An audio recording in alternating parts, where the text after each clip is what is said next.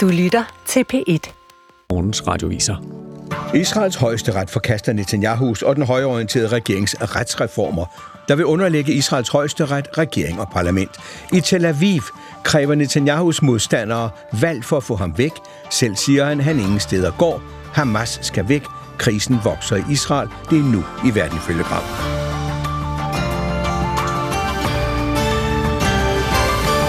לא זוכר אם אתה שאלת את זה או חבריך שואלים את זה. שמע, הדבר היחידי... Hør her, det eneste, jeg agter at træde tilbage fra, er Hamas. Der er ikke andet, jeg har tænkt mig at trække mig fra, og det er det, jeg beskæftiger mig med, og intet andet sagde Netanyahu i lørdags. Han var blevet spurgt, om han ville træde tilbage, når kampen i Gaza stopper. I Tel Aviv demonstrerede tusinder mod Netanyahu og krævede nyvalg så hurtigt som muligt. Højesteret forkaster Netanyahus lovændring, der giver regeringen kontrol over domstolene. Den politiske borgfred, der begyndte i Israel efter Hamas' terrorangreb den 7. oktober, hvor 1200 israelere blev dræbt og flere end 200 gisler taget med tilbage til Gaza, er ved at blive brudt trods krigen. Men Netanyahu fortsætter krigen, og i går blev en højtstående Hamas-leder dræbt ved et droneangreb i Libanons hovedstad Beirut. Talsmanden for det israelske forsvar, admiral Daniel Hagari, sagde i søndags, at krigen bliver langvarig, selvom man trækker styrker hjem fra Gaza. מטרות המלחמה מחייבות לחימה ממושכת. For at vi kan opnå målet med krigen, kræver det, at den bliver langvarig, og det forbereder vi os på. Det betyder, at nogle af reservisterne vender hjem til deres familier og almindelige jobs i denne uge. Dette vil give dem mulighed for at samle styrke til det kommende år, hvor kampene vil fortsætte, og vi stadig vil have brug for dem.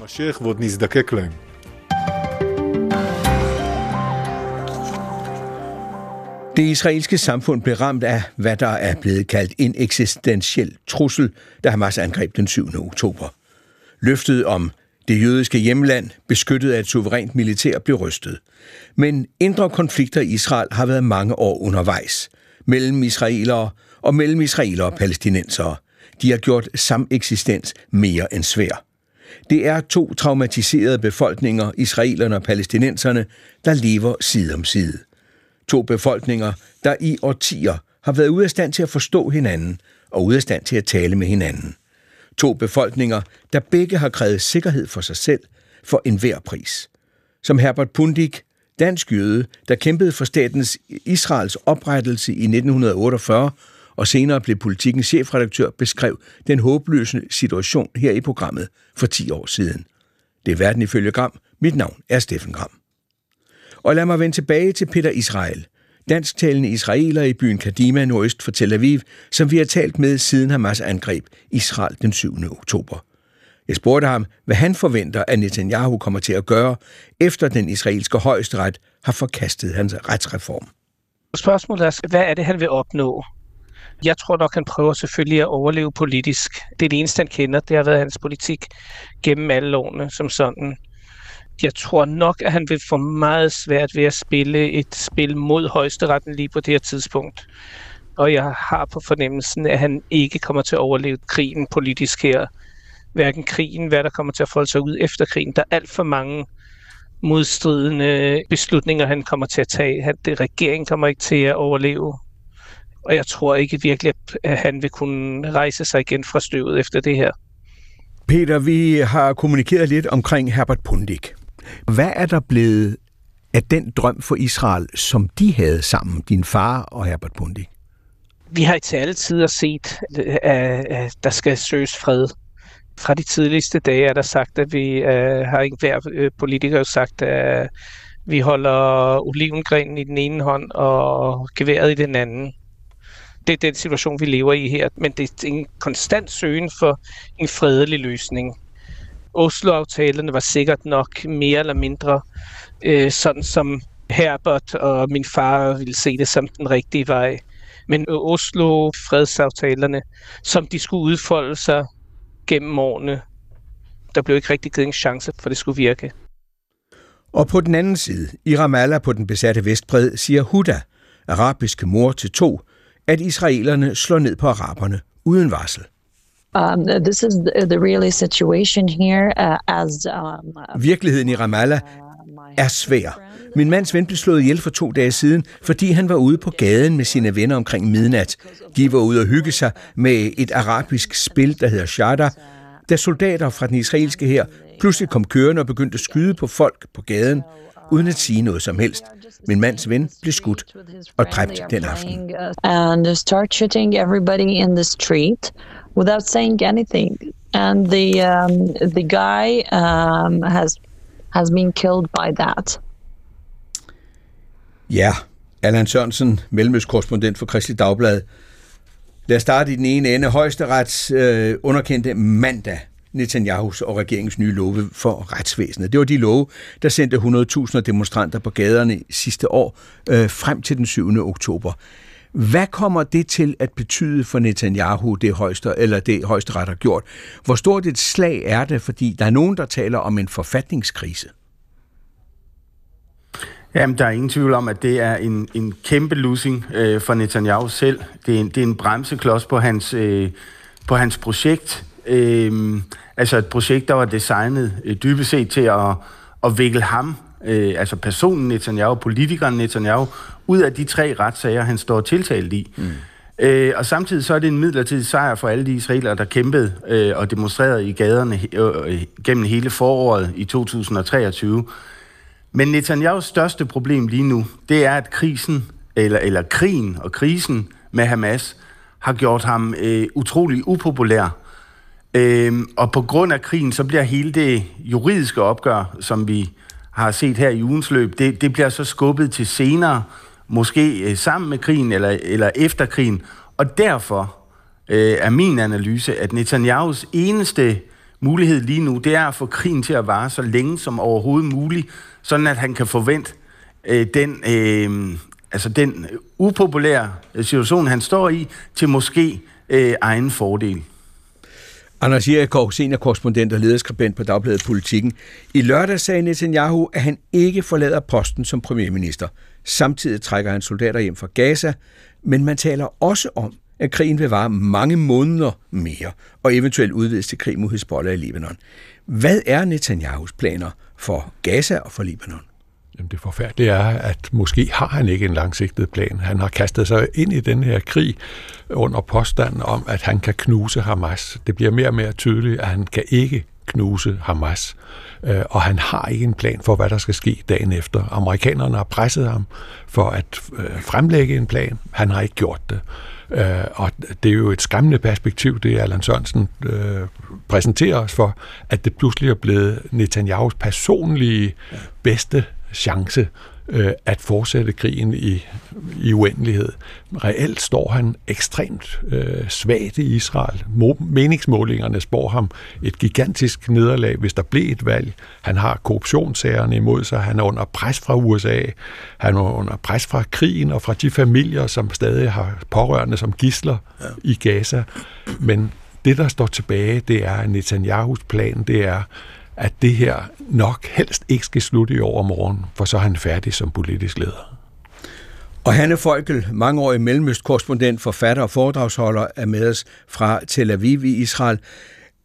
Hanne, hvad er der blevet af det Israel, der blev skabt i 48 og årene frem? For det arbejderparti og det idégrundlag, der prægede den israelske udvikling i de første mange år, det, det, er, jo næsten, det er jo nærmest væk. Hvor knækkede det?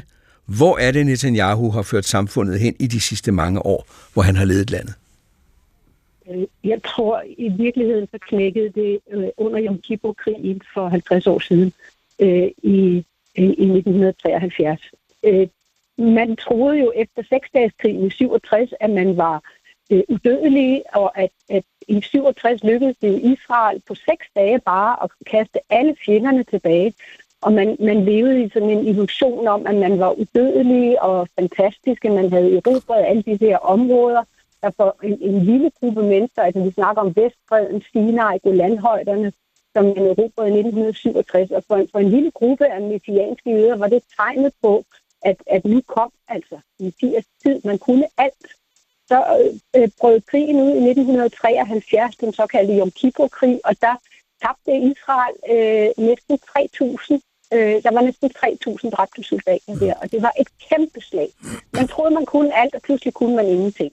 Og, og det var så begyndelsen til nedturen for Arbejderpartiet, som så endgyldigt mister magten i 1977. Der er også andre interne årsager til, at Arbejderpartiet ryger ud, blandt andet nogle demografiske ting internt i det israelske samfund, og den nye leder, der kommer til i 77, Menachem Begin, han øh, faktisk en stor kærlighed for netop det projekt, som vi i dag ser kuldsejle Israel fuldstændig, nemlig øh, den messianske bosætterbevægelse.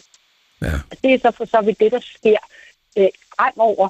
Øh, efter, efter Menachem Begin kommer så Netanyahu til magten for små 20 år siden, og han udmanøvrerer altså så en hel generation af ledere i sit eget parti, for at, ligesom, at, at være sikre sig. Og dem, han tager til sig, er så øh, en, en gruppe af messianske bosættere, og det er dem, der i dag leder hans regering med typer som Bentvir og Smudrik, som vi måske kommer til at snakke, og de er fuldstændig ja, ja. kompromisløse, tror på, at vor herre kan redde alting, og de har overhovedet ingen fornemmelse for det, vi andre vil kalde realpolitik.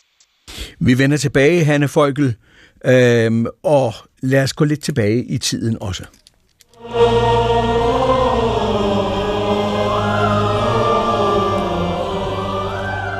Den traditionelle midnatsmesse i Fødselskirken i Bethlehem blev afviklet juleaften for snart to uger siden, men bortset fra den var julen fuldstændig aflyst i Bethlehem på grund af krigen mellem Israel og Hamas. Men for 10 år siden, i 2013, tog jeg selv til Bethlehem, sammen med Herbert Pundik, veteran for krigen i 1948, senere chefredaktør på Politiken, i årtier bosat i Tel Aviv, hvor han beskrev og analyserede samfundet.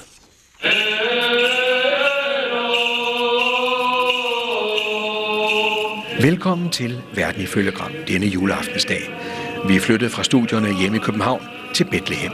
Til der, hvor det hele begyndte for de kristne for lidt mere end 2000 år siden.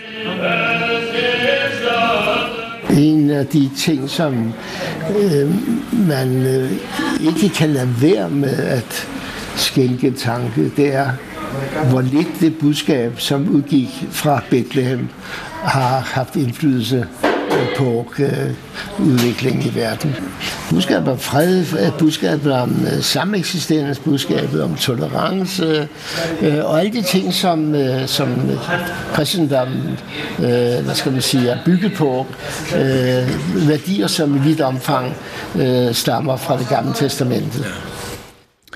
Dengang ville jeg gerne have hans analyse af det Israel, han var med til at skabe – Hans fortælling om den konflikt, der eksploderede efter dannelsen af Israel i 1948, der førte til en håndfuld krige, og som eksploderede igen året efter, jeg talte med ham, dengang i Gaza i 2014. Herbert Pundi gik bort i 2019. Men da jeg genhørte vores samtale her op til jul, var hans fortælling fra 2013 om konflikten mellem jøder og palæstinenser skræmmende og deprimerende aktuel. Der er øh, ingen samme eksistens. Der er en parallel eksistens, kan man sige. Parterne lever stort set side om side, men med ryggen til hinanden. Øh, og øh, de forstår med lidt af, hvad der sker på den anden side. De er så optaget af deres egen opfattelse, af deres egen selvopfattelse øh, som ofre. At de, og det er begge parter. Begge parter at de simpelthen ikke er i stand til at opleve modparten som andet end, øh, hvad skal man sige, øh, bødlen. Og sådan oplever man fra Israels side, når man ser på palæstinenserne, og så oplever man det parallelt, øh, når man snakker med palæstinensere øh, om deres forhold til, til, til Israel. Det store problem efter min mening, øh, er ikke Jerusalems fremtid. Det er ikke de arabiske flygtningens fremtid. Øh, det er ikke grænsernes øh, beliggenhed i fremtiden. Det store problem, det er manglende tillid hos parterne gensidig, gensidig mistillid. For hvis det var sådan, at man havde en, en, en nogenlunde, hvad skal man sige, acceptabel niveau af tillid til hinanden, så ville man ikke være så mistænksom fra begge sider med hensyn til, hvor skal den nye grænse gå, for eksempel. Øh, hvor skal Jerusalem deles på tværs eller på langs, osv. osv. Men alle de problemer, som er praktiske problemer, politiske praktiske problemer, øh, de øh, lever øh, i en tilstand af total mistillid øh, således at øh, men hvor kommer det parterne er fra? meget, meget svært ved på en eller anden måde øh, at overvinde mistilliden øh, og løbe de risici, der er forbundet med at slutte fred. Fordi det er helt givet, hvis israelerne slutter fred med palæstinenserne, det vil have en omkostning. Det var for store fordele, det vil også have en omkostning. Måske i form af øh, mindre sikkerhed for Israel. Så altså, alle disse ting ville være lettere at håndtere, hvis det var sådan, at man tog at løbe en risiko for fred. Men her er det altså sådan, og det omfatter både israelerne og palæstinenserne, at de har meget, meget absolute krav til hinanden, der er så absolute, at de er svære at opfylde. Øh, Og absolutismen bygger på den dybe mistillid. Og hvor kommer så den, den her mistillid, de ikke kan komme ud af? Den, øh, den mistillid er bygget på, øh, på en lang historie. Fra israelernes side øh, er det en historie, som om så må sige, begyndte i Bethlehem øh, med splittelsen den, ja. mellem kristne og jødedom, øh, som jo har været en af, hvad skal man sige, forudsætningerne for den antisemitiske øh, holdning til jøder, at man har oplevet med i kristne samfund. Så øh, det, det er en mistillid. Så kommer israelernes mistillid til den arabiske verden, efter man har udkæmpet 6-7 krige ja.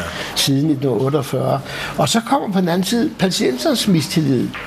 Palæstinensernes mistillid er bygget på en lang række øh, hvad skal man sige, skuffelser i forhold til øh, Israel som besættelsesmagt. Ja. Jeg taler ikke om øh, alt det, der skete fra 1948, da Israel blev grundlagt, og så det indtil krigen i 1967. Jeg taler om, at øh, der oplevede israelerne og palæstinenserne i virkeligheden som nogle papfigurer, øh, der levede på den anden side af en grænse. Man oplevede dem ikke som øh, mennesker af kød og blod, og det samme galt palæstinenserne så, i forhold til Israel. Så kommer besættelsen i 1967, ja. og der begynder der altså en, en lang, lang, lang proces, hvor palæstinenserne de føler sig, at de, er blevet berøvet deres frihed, der er ikke nogen håb om deres selvstændighed, israelerne misbruger dem, israelerne hugger deres jord, israelerne hugger deres vand osv. osv. Og derfor er der altså bygget øh, to store, hvad skal man sige, kampesten øh, af mistillid på begge sider, øh, som begge sider med stor veltalenhed øh, kan forklare og begrunde osv. Øh, men hvordan kommer man det til livs? Det var Herbert Pundik i 2013. Uh, øh, Allan Sørensen, hvordan kommer man den mistillid til livs? Du lever med den, ligesom Hanne Folkel gør i Israel. Hvordan kommer man den til livs? Kan man det? Det, det er det store spørgsmål. Man har ikke kun det fra politikernes øh, side. Nogle dele af befolkningen, øh, altså både den palæstinensiske og den israelske, kan godt, men de har ikke, øh, altså her tænker jeg blandt andet på den by, jeg selv lever i, Haifa, der går det egentlig til dagligt rigtig fint mellem jøder og araber. Øh, men det gør det ikke mange andre steder, og det gør det især ikke på grund af den, altså på Vestbreden, på, på grund af den israelske besættelse. Der er et meget anspændt øh, forhold der, og, og daglige kampe.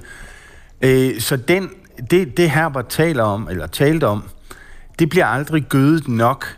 Øh, og det, der egentlig altid har slået mig i, i, i de mange år, jeg har, jeg har kendt det israelske og det palæstinensiske samfund, det er, hvor tæt de lever sammen, og hvor meget de er viklet ind i hinanden til dagligt, men hvor lidt de ved om hinanden.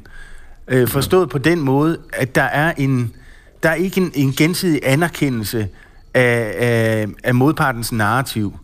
Øh, israelerne er ikke interesseret i at høre om Nakba i 1948, øh, og, og palæstinenserne er heller ikke interesseret i at høre om, om Holocaust og det, der lå bag hele, altså hele den historie, Israel blev skabt ud af.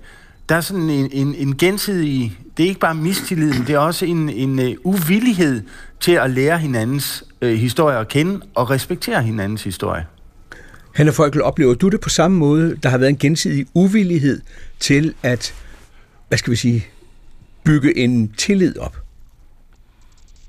Øh, hvis jeg skal være meget grov, så vil jeg sige, at der er politiske kræfter på begge sider, som er interesseret i at fastholde fjendebilledet.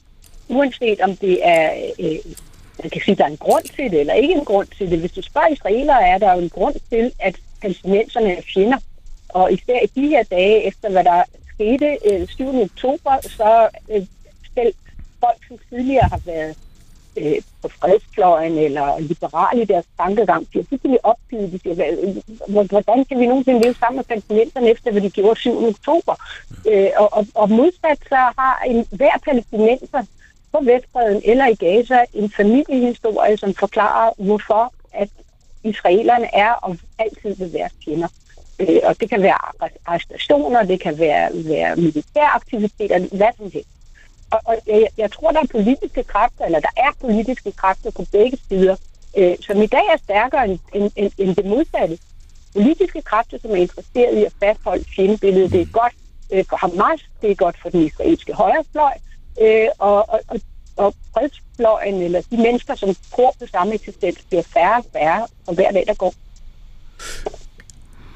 Anders Jergaard, hvordan det, som både Allan Sørensen taler om, og Hanna Frøkel taler om nu, på baggrund af, hvad Herbert Pundik sagde for 10 år siden, hvordan spiller det sig ud i dag i den politiske proces, der gerne skulle være der, men som jo ikke er der? Jeg tror, at det er i forlængelse af det, han snakker om, at der er nogle meget, meget stærke politiske kræfter, som manipulerer med befolkningerne og skaber den her opfattelse, som, som du allerede talte om, at man overhovedet ikke kan stole på modparten, at modparten er bødler, og at øh, man lever i en konflikt, som øh, er uløselig, øh, og som ikke kalder på ofre, for man kan ikke stole på modparten. Men det er jo ikke helt rigtigt, fordi man har ikke givet samme eksistens en chance. Mm. Det, der er sket siden øh, Pundik snakkede til dig for 10 år siden, ja. det er, at der er kommet 100.000 flere bosættere på Vestbreden, og at det er ikke Oslo, der led et nederlag den 13. oktober, for Oslo har aldrig fået en chance. Ja. Øh, det, der led et nederlag, øh, det var snarere øh, forestillingen om, at der er en krig, der kan løse det her, mm. eller at den nuværende tilstand kan fortsætte, uden at der bliver krig. Men på, sagen er jo i en nødskal, at der er ikke en lighed, øh, en lighed eller en balance mellem de to øh, folkegrupper. Psykologisk frygter de hinanden, det ved jeg, det er rigtigt, øh, og de har også grund til at frygte hinanden. Men konkret er der jo en massiv ubalance, for det er Israel, der er overmagten, og det er palæstinenserne på Vestbreden og i Gaza, som har været under israelsk kontrol. Og man har ikke givet Oslo en chance, man har ikke givet ideen om at skabe to stater og adskille de to befolkninger en chance. Øh, og det har enorm betydning nu, hvor der er kræfter i Israel, som præsenterer den nuværende konflikt som eksistentiel, som en ja. trussel mod staten Israel. Men det er det jo ikke. Israel er ikke truet på livet. Israel vinder den her krig, og Israel kunne, hvis det ville, smadre hele Gaza øh, og lægge det til pulver. Øh, men det vil ikke ændre alligevel, at de stod i en modsætning til palæstinenserne. Og derfor er det her et, en konflikt i forhold øh, til palæstinenserne, men det er også en konflikt inden for Israel, hvor man er nødt til at gøre op med sig selv, om man vil leve som permanent besættelsesmagt med kontrol over palæstinenserne, eller man vil give fred en chance. Desværre er det sådan, at de stærkeste kræfter i Israel, det er dem, som øh, manipulerer forestillingen frem om, at fred ikke er en mulighed. Altså, hvordan, hvordan oplever du, du flyttede fra Jerusalem op til Haifa, hvordan oplevede, oplever du den interne udvikling blandt israelere? Øhm, nogle taler Hanne, og øh, Anders taler om manipulationen og så videre fra politiske ledere. Hvordan oplever du den udspille sig? I den, I den periode, jeg har været i, i Israel, der har demografien øh, ændret sig. Og det kan man simpelthen mærke. Det, det kunne vi mærke, da vi boede i Jerusalem. Det var en by, der i forvejen var konfliktramt og, og, og temmelig øh, ekstrem øh, på mange måder, både på den palæstinensiske side og den, og den øh, israelsk-jødiske side. Men den blev, og det, det kan tingene også, og her vil jeg citere øh, Herbert for noget, han engang sagde til mig, hvor vi talte om, at, at Israel og palæstinenserne virkelig stod i, i, øh, i mudder helt op til halsen, og så lavede øh, Herbert sådan en gestus, hvor han sagde, prøv at høre, det kan blive meget værre, det kan komme helt herop til, og så, så tog han hånden op til munden. Øh, og der føler jeg lidt, at, at vi er nu, øh, fordi tingene bliver værre og værre. Og, og det var, øh, altså det blev det i Jerusalem, og det var derfor, vi flyttede til Haifa, hvor der er meget mere behageligt, mm. og der er en meget bedre stemning øh, blandt øh, jøder og araber her i byen. Men det er som om, at, at øh, i, altså sideløbende med de konflikter, der jo har været, vi skal tænke på, at det her er ikke den første Gaza-krig, der har været øh, adskillige. Og før det var der også øh, øh, Al-Aqsa-intifadaen i, i starten af nullerne. Den gav simpelthen det israelske samfund en højere drejning øh, øh, og, og, og førte til øh, dannelsen af ekstremistiske øh, miljøer i den israelske befolkning, som jo selvfølgelig ikke er, er, er til gode for øh, øh, fredsforhandlinger og, og den ja. slags, og, og sammenhold og sam, sameksistens. Det blev alt sammen puffet ud på sidelinjen, og det samme sker i dag. Øhm, alle dem, der taler om besættelsen, altså hvis du taler med israeler om besættelsen i dag, så vil jeg sige, jamen angrebet den 7. oktober, det var ikke mod besættelsen. Det var mod kibbutzer, der ligger inde i Israel. Hvad taler I om? Altså det er som om den, hele den debat, som var engang, og som var øhm, relevant i, i 90'erne og i starten af nullerne, den er ikke længere relevant for en stor del af israelerne, fordi de føler sig angrebet på alle fronter. Og lad mig lige sige, at det er Verden ifølge Gram, I lytter til. Mine gæster, det er Hanne Folkel, mellemøstkorrespondent med mere end 35 års erfaring og specialist i israelske forhold. Du er foredragsholder, debattør, podcaster og forfatter, og senest udgivet bog om jødernes 400-årige historie. Du er med os fra Tel Aviv, hvor du både arbejder og bor. Allan Sørensen, mellemøstkorrespondent for Kristi Dagblad og forfatter. Du har læst mellemøststudier på det hebraiske universitet i Jerusalem og er specialist i værdidebatter, kultur og samfundsforhold i hele den mellemøstlige region. Og så Anders Jerikov, lederskribent og udenrigskommentator og seniorkorrespondent for Dagbladet Politikken. Du er mellemøst specialist og har udgivet en række bøger om forholdene i Mellemøsten. Og så er der altså Herbert Pundik. Herbert Pundik var overbevist sionist. Han kom til at høre til på den politiske venstrefløj og frygtede, at det projekt at skabe staten Israel, som man satte sit liv på spil for, ville kulsejle. Hør her. For mig er det aller, aller væsentligste, øh, at der er opstået en jødisk stat i 1948. En stat, hvor jøderne kan skalte og valte, som de vil, uden hele tiden at skulle kigge sig over skuldrene og se, hvad siger ikke jøderne. Det er for mig helt, helt afgørende. Øh, så er spørgsmålet, i hvilket omfang har denne stat, som nu har eksisteret siden 1948, denne stats regeringer forstået at forvalte øh, det kæmpe historiske ansvar, der er lagt på det skulder. Og der må jeg sige, at siden 1977, hvor højrefløjen kom til magten, og det har den stort set været lige siden 77, har Israel ført en politik, som øh, i vid, vid omfang er øh, i modstrid med det, man kan kalde for den sionistiske bevægelses værdigrundlag. Man øh, har ført en øh, ikke total lighedspolitik i forhold til det palæstinensiske mindretal i Israel. Der er 20 procent arabere, der bor i Israel, som er israelske statsborgere, som stemmer til valgene og alt muligt. Men deres stilling er ikke totalt lige med israelernes den dag i dag. Øh, og det kan skyldes øh, krigen, og man kan komme med alle mulige undskyldninger, men det er en kendskærning, at hvis man i dag taler med palæstinenser, der bor i Israel og israelske statsborgere, så har de øh, alle mulige øh, klager, som efter min mening for mange, de fleste vedkommende er, er berettiget. Så øh, altså, Israel er, er gået på afveje, efter min mening. Det, når jeg siger Israel, mener at den israelske regering.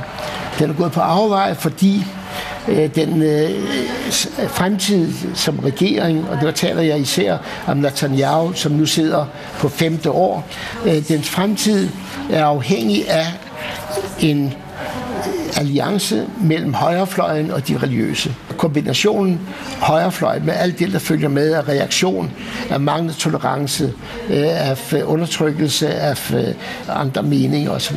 på den ene side. Og så den ortodoxe fløj, Øh, som anser det besatte Palæstina, hvor vi sidder nu, øh, for øh, at være en del af herres løfte til jøderne fra Bibels tid om landet er deres, og som benægter palæstinensernes nationale rettigheder eller ligeberettigelse af noget den retning. Ja, der er meget op i Israel. Altså, vi er ved begyndelsen af en proces, som jeg er meget bekymret over, fordi denne proces er hænderne på nationalistiske højrefløj og religiøse ortodoxe, som, øh, som ikke accepterer øh, det vestlige øh, i øvrigt jødisk kristne værdigrundlag som basis for staten, men som øh, i, i, bred, i bredt omfang øh, fører en politik, som er diskriminatorisk, øh, og som ikke kan stå for, øh, hvad skal man sige, den vestlige verdens prøvelse. Ja, Hanne Folkel, det var jo noget af en udlægning af, hvad der er sket. Er Herbert Pundix, og dermed for eksempel også din egen fars projekt i Israel, er det kuldsejlet? Øh, altså, det, det er jo et spørgsmål om, hvorvidt man kan vende en skole, der er sejlet så meget ud af den kurs, som, som Herbert afstikker, og som, som arbejderbevægelsen afstak, og som verden afstak i 1948, da staten Israel blev oprettet som et sted, hvor jøder kunne være uden som Herbert også nævner det her, uden at skulle spørge nogen andre om, mm. hvad vi må mene og hvad vi ikke må mene. Der står ikke nogen programmer om hjørnet, og der står ikke en eller anden, en eller anden øh, regering og siger, at nu må jøderne kun gå på venstre side af, af, af fortorvet. Men, men problemet er jo, at, at Israel har ændret sig, som vi talte om før. Og, og siden Herbert gav dig det her interview, har Israel ændret sig mere. Ja. Fordi at, at den, den højrefløj, som Herbert frygter for hvor mange år det så var siden 10 eller hvad? 10 år siden, ja. Ja, er, er, er jo kun vokset, og, og det kan man så forklare på 100 forskellige måder. Øh, øh, demografi og, og politisk styrke og Arbejderpartiets forlit og alle mulige andre typer ting. Man kan også pege på en, en generel højredrejning i verden. Men, men sagen er den, at, at vi står i dag over for en, en, øh, en meget ekstremistisk israelsk regering, Netanyahu har været nødsaget til, kan man måske sige, for at holde sig ved magten, til at gå længere og længere ud og binde sig til ekstremisterne. Men, og så kører det jo så parallelt med, at Hamas også er ekstremister. Den palæstinensiske gruppe, som, som øh, Herbert og andre troede på øh, igennem Oslo-processen, har for så vidt spillet sig lige på den palæstinensiske side. De har ikke kunnet levere det, de lovede. Og derfor bliver Hamas også, som er ekstremister og fuldstændig imod hver form for kompromis. Ifølge Hamas kan der ikke eksistere nogen jødisk. Den skal slet ikke være her. De har fået mere og mere vind på den palæstinensiske side, og spørgsmålet er, og, og, og det er et forfærdeligt spørgsmål at stille, men spørgsmålet er, om sameksistens er helt perfekt. Og, og, og, og min, min egen fuldstændig urealistiske tankegang i, i de her dage er, at, at det, der er brug for, er, at der lander fra en eller anden planet øh, en palæstinensisk og en israelsk leder, som er fornuftige, kompromissøgende, øh, moderate og så karismatiske, at de kan vende to samfund, som er kørt så meget i modsatgående retning, at det er svært at se, hvordan de kan komme tilbage. Og hvor de skulle lande fra, det er et meget stort spørgsmål. Anders Jerikov, er sameksistensen, er den, som Hanne Folkel siger, passé? Eller kan der komme noget ned fra et eller andet sted, i universet, øh, der får det her til at Altså, vi skal jo ikke regne med, at den kommer udefra Nej, i hvert fald. Den skal komme indefra eller udefra i form af et diktat fra øh, USA. Øh, som det, det, er amerikanerne, er det er amerikanerne, der skal komme med løsningen? Det er i hvert fald dem, der skal komme med presset, fordi jeg tror, at uh, Allan har ret i, at den israelske opfattelse i meget stor udstrækning er, at Hamas terror den 7. oktober var et bevis på, at israeler og palæstinenser ikke kan leve sammen. Jeg synes alligevel, at det er også en, en skræmmende og fejlagtig øh, slutning, fordi øh, det var ikke nogen overraskelse, at det er Hamas drøm at påføre Israel den form for traumer og tab. Øh, det har man hele tiden vidst.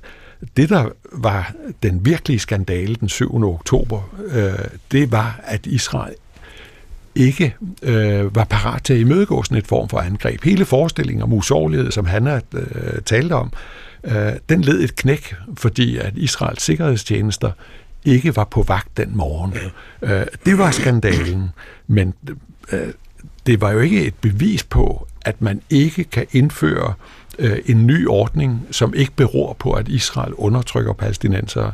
Og jeg synes, at øh, det her med, at men vi... konsekvenserne af det, der sker. Jo, men hør engang, det, det der med, at vi skal vente på, at der dukker nogle forsonlige ledere op, og så bliver det hele lidt bedre, øh, det holder jo ikke, hvis vi i mellemtiden lader de nuværende ledere øh, i Israel øge besættelsen, øge øh, antallet af bosættere på Vestbreden, øge forskelsbehandlingen af israelske jøder og palæstinensiske arabere. Som Pundik talte om. Som Pundik talte om for 10 år siden, ja. og som andre havde talt om for 20 og 30 ja, ja. år siden.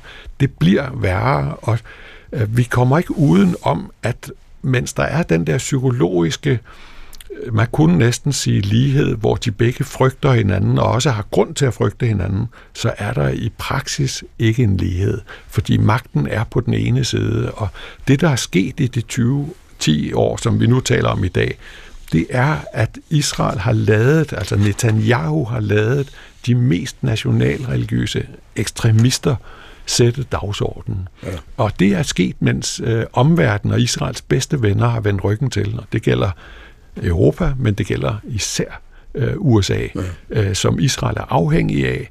Og der er jo sket det siden 7. oktober, øh, som måske kan forekomme en smule, altså nogen vil ovenikøbet sige latterligt, at nu er Biden begyndt at sige lige ud, hvad han forventer af Israel. Han forventer af Israel, at det ikke besætter Gaza, at det ikke laver flere bosættelser i Gaza, at det ikke øh, fordriver palæstinenser fra Gaza, og at Israel går med på en tostatspolitik. Mm. Han siger det mere lige, end nogle amerikanske ledere har sagt det de sidste 50 år. Øh, og spørgsmålet er i virkeligheden, om det er for sent. Jeg tror, at øh, hvis Netanyahu falder, og der kommer et mere øh, hvad skal vi sige, besindigt menneske til magten i Israel, så vil det menneske være nødt til at lytte til USA. Og derfor mener jeg, at, at øh, man er nødt til at tro på, at det kan blive anderledes. For hvis det ikke bliver anderledes i form af et amerikansk krav om øh, en, en ny politik retning af to stater, så har vi kun det totale sammenbrud, mere krig mellem Israel og palæstinenserne og inddragelse af andre øh, arabiske stater, og så er det et totalt helvede. Allan Sørensen, hvordan bliver de krav, som Anders Jericho taler om, som vi jo hører om dagligt nu, kommer fra amerikanerne, hvordan bliver de modtaget øh, af øh, israelerne og af Netanyahu-regeringen? Vi oplever jo, at han tager i hvert fald øh, afstand fra det. Ja, jeg, jeg har fået en, en samtale mellem øh, Netanyahu og Biden refereret som en samtale, der endte med, at Netanyahu han klaskede røret på. Øh, og, og, og hvis det er rigtigt, så det, øh, altså det siger jo meget om situationen. Altså Biden kommer med de krav, som, som Anders er inde på, øh, og Netanyahu sidder og spiller hår og, og klasker røret på og skændes med, med USA's præsident. Hvorfor? Fordi Netanyahu ikke selv har nogen alternative løsninger, og han har ikke noget, og, og han har ikke noget svar øh, på det, øh, som, som Biden han kræver, øh, fordi han ved selvfølgelig bedre. Og det kendetegner meget Netanyahu, men det kendetegner også meget den tid, øh, Israel øh, står midt i.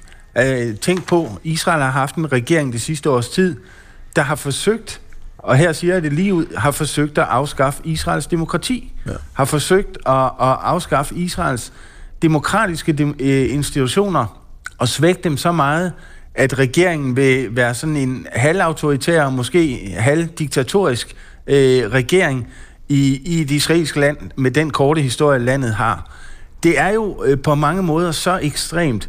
Og det der, det, der sådan ligesom trænger nedad fra regeringen, øh, altså ned i gelederne, øh, og, og også ender ned i befolkningen, det er jo de her signaler om, at der er ingen, der skal sige, øh, hvad Israel skal gøre. Der er ingen, der, altså selv ikke engang USA, der pumper våben og ammunition ind i Israel i øjeblikket, der hjælper og står Israel eller står ved Israels side, de skal ikke øh, komme og sige, hvad Israel skal gøre, og hvad Israel ikke skal gøre.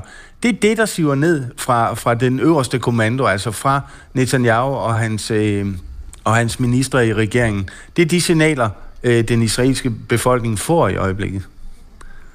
Hanne Folkel, øh, men hvor fører det hen? Det Allan Sørensen sidder og taler om nu. Godt spørgsmål.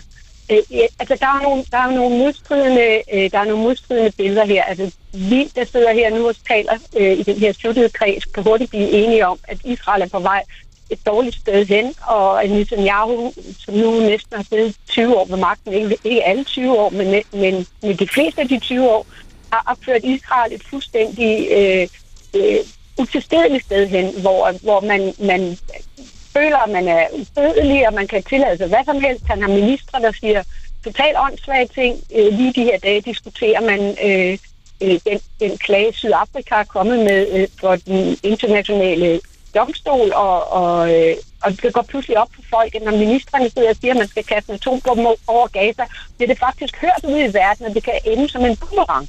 Øh, så, så ja, Israel er, er i, i, i, i en dårlig situation ja. øh, på mange måder. Men hvis man kigger på det større billede, så befinder Israel sig altså også i en krig, hvor Iran spiller en virkelig vigtig rolle, og derfor øh, har øh, præsident Biden også nogle problemer her, fordi at, at han slås også imod Iran. Øh, amerikanske tropper bliver udsat for, for angreb over i Irak, hvor de forsøger at passe på et meget spinkelt demokrati. Øh, Biden vil også godt passe på det israelske demokrati, selvom det israelske demokrati har ført Israel til nogle ledere, som ikke i, i vores almindelige danske øh, skråstreg amerikanske opfattelse af, af demokratiske på den rigtige måde, vel? fordi de, de er ekstremister. Mm. Og, og, men, men Biden kan ikke slippe Israel, fordi Iran står i, med Hezbollah i, i, i Libanon og med Houthierne i Yemen og, og, og, og med, med de styrker, der slås imod mod ja. Irak og så videre. Så derfor så er det er ikke en isoleret ting. Og det er ja. også derfor, Biden har et alvorligt problem, når vi nu står op for et, op for et amerikansk øh, præsidentvalg lige om fem minutter, ikke? Og Hanna Folkel, der bringer du jo netop det næste klip, jeg vil gerne have spillet med Pundik, øh, omkring Israels sikkerhed. Sikkerheden for næsten enhver pris frem, for både israeler og for araber. Pundik taler om, at de to folks behov for at føle sig sikre, han taler om det på denne her måde. Hør her. Behovet for fred hos israelerne og palæstinenserne det er næsten umætteligt. Det er to lande, der er dybt traumatiseret, hvis befolkninger er dybt traumatiseret at den israelske befolkning lider af øh, stress af historiske grunde, deres oplevelser øh, ude øh, i udlandet, før Israel blev oprettet. Jeg vil ikke tale om Hitler og hele hans, hans periode. Øh, og så kommer krigen i Israel, 5, 6, 7 krige mellem israeler øh, og araber. Man reagerer ikke normalt i Israel øh, på øh, fænomener, som man måske i Danmark ville reagere helt afslappet overfor. Altså den israelske angst for eksempel for øh, den iranske atombombe, mm. den er selvfølgelig manipuleret af den israelske højrefløj, men den har dybe, dybe rødder i folks bevidsthed, fordi hvis du, du som den israelske statsminister flere gange har sagt, advaret befolkningen og sagt, hvis Iran får en atombombe, så risikerer vi en ny holocaust det, der skete under krigen i Europa, hvor 6 millioner jøder blev dræbt. Du trykker på den knap, der holocaust, og så mister mange, mange israelere deres mulighed for kølig analyse. Ja. De frigør i den grad så mange emotionelle kræfter, øh, frygtblandet, at du simpelthen ikke er i stand til øh, at sammenligne påstanden om holocaust med frygten for Iran. Og den frygt er, er ubegrundet. Vil det sige, at der måske netop i øjeblikket skal en en cool type som en Obama til, og hans udenrigsminister John Kerry, til at forklare israelerne, jamen hør nu her, hvis I ikke går ind og griber en form for aftale nu, så bliver det meget værre senere at de kan gå ind og argumentere over for Netanyahu, argumentere over for en israelsk offentlighed, om at det er vejen frem. Den israelske offentlighed som helhed bekymrer sig om én ting, og det er Israels sikkerhed. Ja. Og det nytter altså ikke noget over præsident Obama eller altså udenrigsminister John Kerry kommer og afgiver løfter. Fordi der er så mange løfter, der er blevet afgivet i tidens løb i forhold til Israel, som er blevet svigtet. Så israelerne har ikke tillid til løfter. Israelerne har tillid til heller ikke sikkerhedsgarantier. Det er igen ord på papir. Det israelerne tror på, deres egen evne til at forsvare sig mod eventuelle fjender. Ja, Anders Erikov. Jeg synes, at øh, det er jo givet, at Israel står over for trusler og risiko for atommagt øh, fra Irans side. Øh, det er givet, at de er truet af en krig fra Hezbollah i Libanon og trusler alle mulige andre steder fra.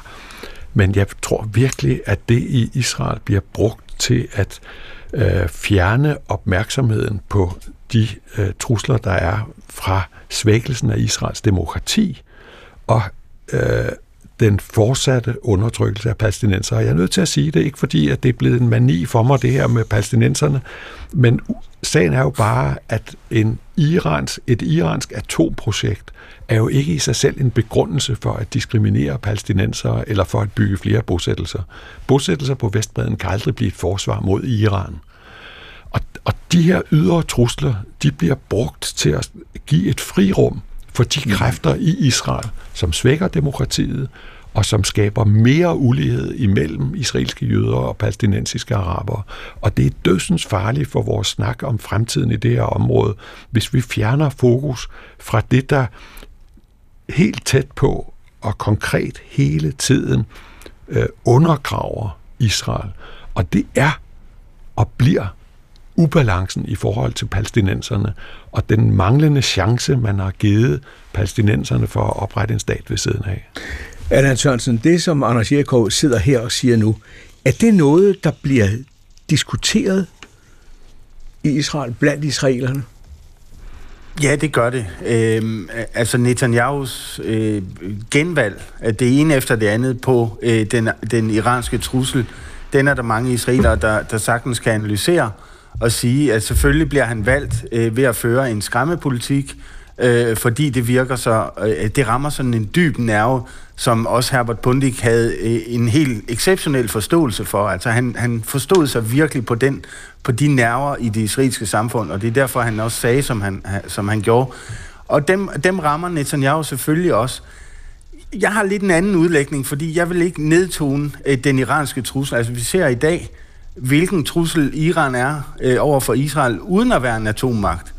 Øh, og vi kan blot forestille os, hvad der vil ske, når eller hvis Iran bliver en atommagt. Altså, de, de fører krig mod Israel på nærmest øh, seks fronter lige i øjeblikket, og den syvende front vil så være Iran selv, hvis de selv går til angreb. Det, jeg ville ønske, var, at øh, ordet sameksistens og, og forsøg på at, at, at, at samleve og sameksistere mellem Israel og palæstinenser, at det bliver lige så højt øh, det bliver sat lige så højt som, øh, som hele trusselsbilledet. Fordi jeg tror, det er israelerne, der lever her. Det er jøderne, der bor her. Og det er dem, der har de naboer, de nu har, og de ved, hvordan naboerne agerer. Og jeg tror, deres frygt langt hen ad vejen er, er berettiget. Øh, men det smitter så desværre også af på, på viljen til at sameksistere øh, af naturlige årsager. Men hvis man gjorde lige så meget ud af, af, af samme eksistens, som man gør ud af trusselsbilledet, mm. ja, så var der måske noget at hente, men det, det er der bare ikke blevet gjort, og det er der ikke blevet gjort i overvis, øh, og det modsatte er, er nærmest tilfældet. Hanne Folkel, hvordan, hvordan mærker du det forhold mellem israeler og palæstinenser, at det, der er sket øh, den 7. oktober, er hele begrebet sikkerhed, kan vi forsvare os selv? Øh, nej, det kunne vi så ikke. Hvordan har det afspejlet sig i forholdet mellem israelere og araber, der bor i Israel? Øh, interessant, øh, interessant spørgsmål og interessant svar, fordi at øh, de cirka 2 millioner øh, palæstinenser, der er israelske statsborgere, israelske araber også kaldet af nogen, øh, har forholdt sig fuldstændig stille. Øh, har taget afstand fra øh, Hamas angreb 7. oktober, og øh, der, er, der bliver forsøgt, øh, og, og, og det er ikke bare manipulationer, men der bliver forsøgt at sætte fokus på, på, på samarbejde rundt omkring. Øh, jeg, var, jeg var sammen med, med, med, med israeler forleden dag, som, som bor i den nordlige del af Israel, hvor også den største del af den arabisk-israelske eller palæstinensisk-israelske befolkning bor. Dem, som er israelske statsborgere, og der var nogen, som i en Facebook-gruppe eller et eller andet havde sagt, øh, vi føler, at tiden er inde til at begynde at lære arabisk. Vi er fem, øh, hvis nogen vil melde sig. Og i løbet af to dage var der 300 jødiske israeler, som havde meldt sig til at lære arabisk. Og, og, og der sker mærkelige ting her. Den arabiske israelske befolkning, de to millioner israelske statsborgere, som er palæstinenser, har helt klart i den her situation meldt, vi sidder i Israel, vi er israelere, vi deltager ikke i, i den der øh, Hamas-ekstremisme. Øh, og der, der, er, der er nogle strømninger, som faktisk siger, at sameksistensen inden for Israels grænser muligvis er blevet hjulpet af det her. Men, men, men modsat kan man jo så sige, at israelerne ser slet ikke øh, de problemer, som vi ser, når vi ser dem udefra. Israelerne ser ikke de to millioner øh, palæstinenser i Gazas problemer som et humanitært problem, men som et problem med Hamas, som er palæstinensernes eget problem. Det er i hvert fald ikke noget, Israel har med at gøre, at man har gjort Gazastriben mere eller mindre ubeboelig. Altså, der er ligesom der er en kæmpe diskrepans der i, hvad man ser og hvad man ikke ser, og hvad man forstår og hvad man ikke forstår, som, som vi, der ser på det udefra, øh, ser på en helt anden måde.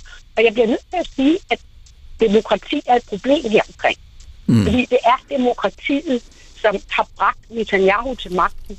Og det er Netanyahu, der har været ved magten i næsten 20 år ved hjælp af demokratiske valg og hans evne til at manipulere disse valg øh, på, på alle mulige forskellige måder, som vi ikke vil komme ind på nu. Og, og det, det er et svækket demokrati i Israel. Og på Men, den anden side, og, ja. og, når, og når så amerikanerne kommer og stiller krav, og de er jo meget forsigtige, fordi for amerikanerne er demokratiet jo den højeste værdi i verden, og derfor så kan man heller ikke komme fra USA og sige, nu skal vi fjerne Netanyahu, han er til stede for Israel, selvom der er rigtig mange israeler i dag, rigtig, rigtig mange israeler, som vi ønsker, at nogen kunne gøre det og fjerne den mand. Anders Jerikov, hvordan tænker Netanyahu, hvis vi følger øh, Hanne Folkets tankegang, øh, hvordan med det, der sker også, hvordan agerer han, hvis han samtidig skal overleve?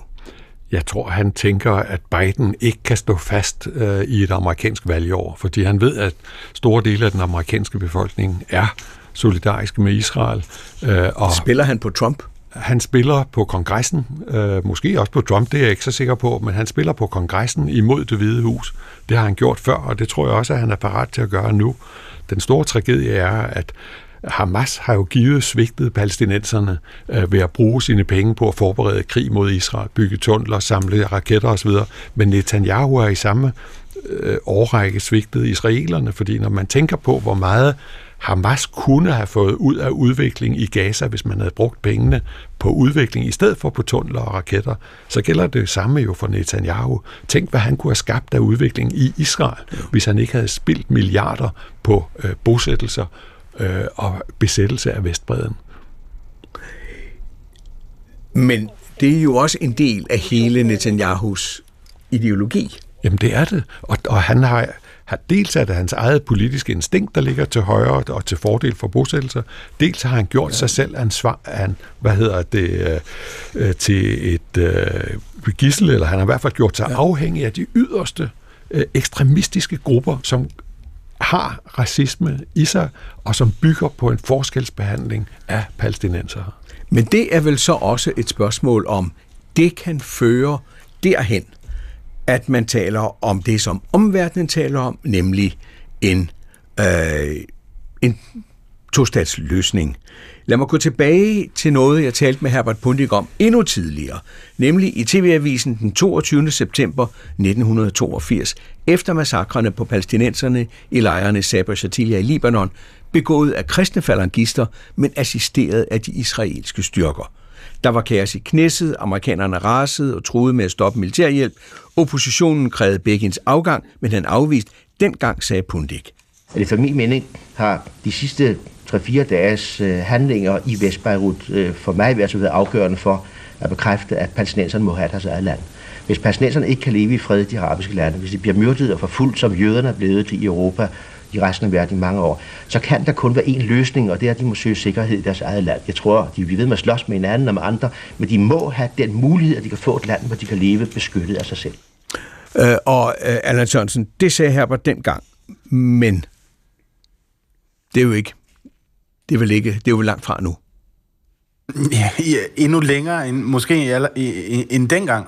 Ja. Øhm, for, på grund af det, der, der skete den 7. oktober, og på grund af, at Israel de seneste mange år har haft en, en premierminister, der hedder Netanyahu, som er notorisk dårlig til at tage de store beslutninger. Altså, han vil ikke have sit navn i historiebøgerne på en eller anden halvdårlig aftale, øh, der, der tilvejebragte den, en, en øh, palæstinensisk stat. Så vil han hellere undvære det.